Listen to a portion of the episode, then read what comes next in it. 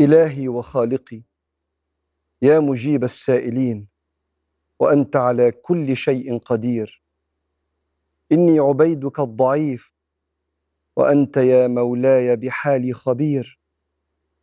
أعطنا من الخير واللطف فوق ما نرجو واصرف عنا من السوء فوق ما نحذر. واجعلنا ممن رحمتهم وغفرت لهم وعفوت عنهم. اللهم اجعلنا ممن إذا أمسكنا أمسكنا بالإحسان. وإذا فارقنا راعينا المودة وأعطينا الأمان.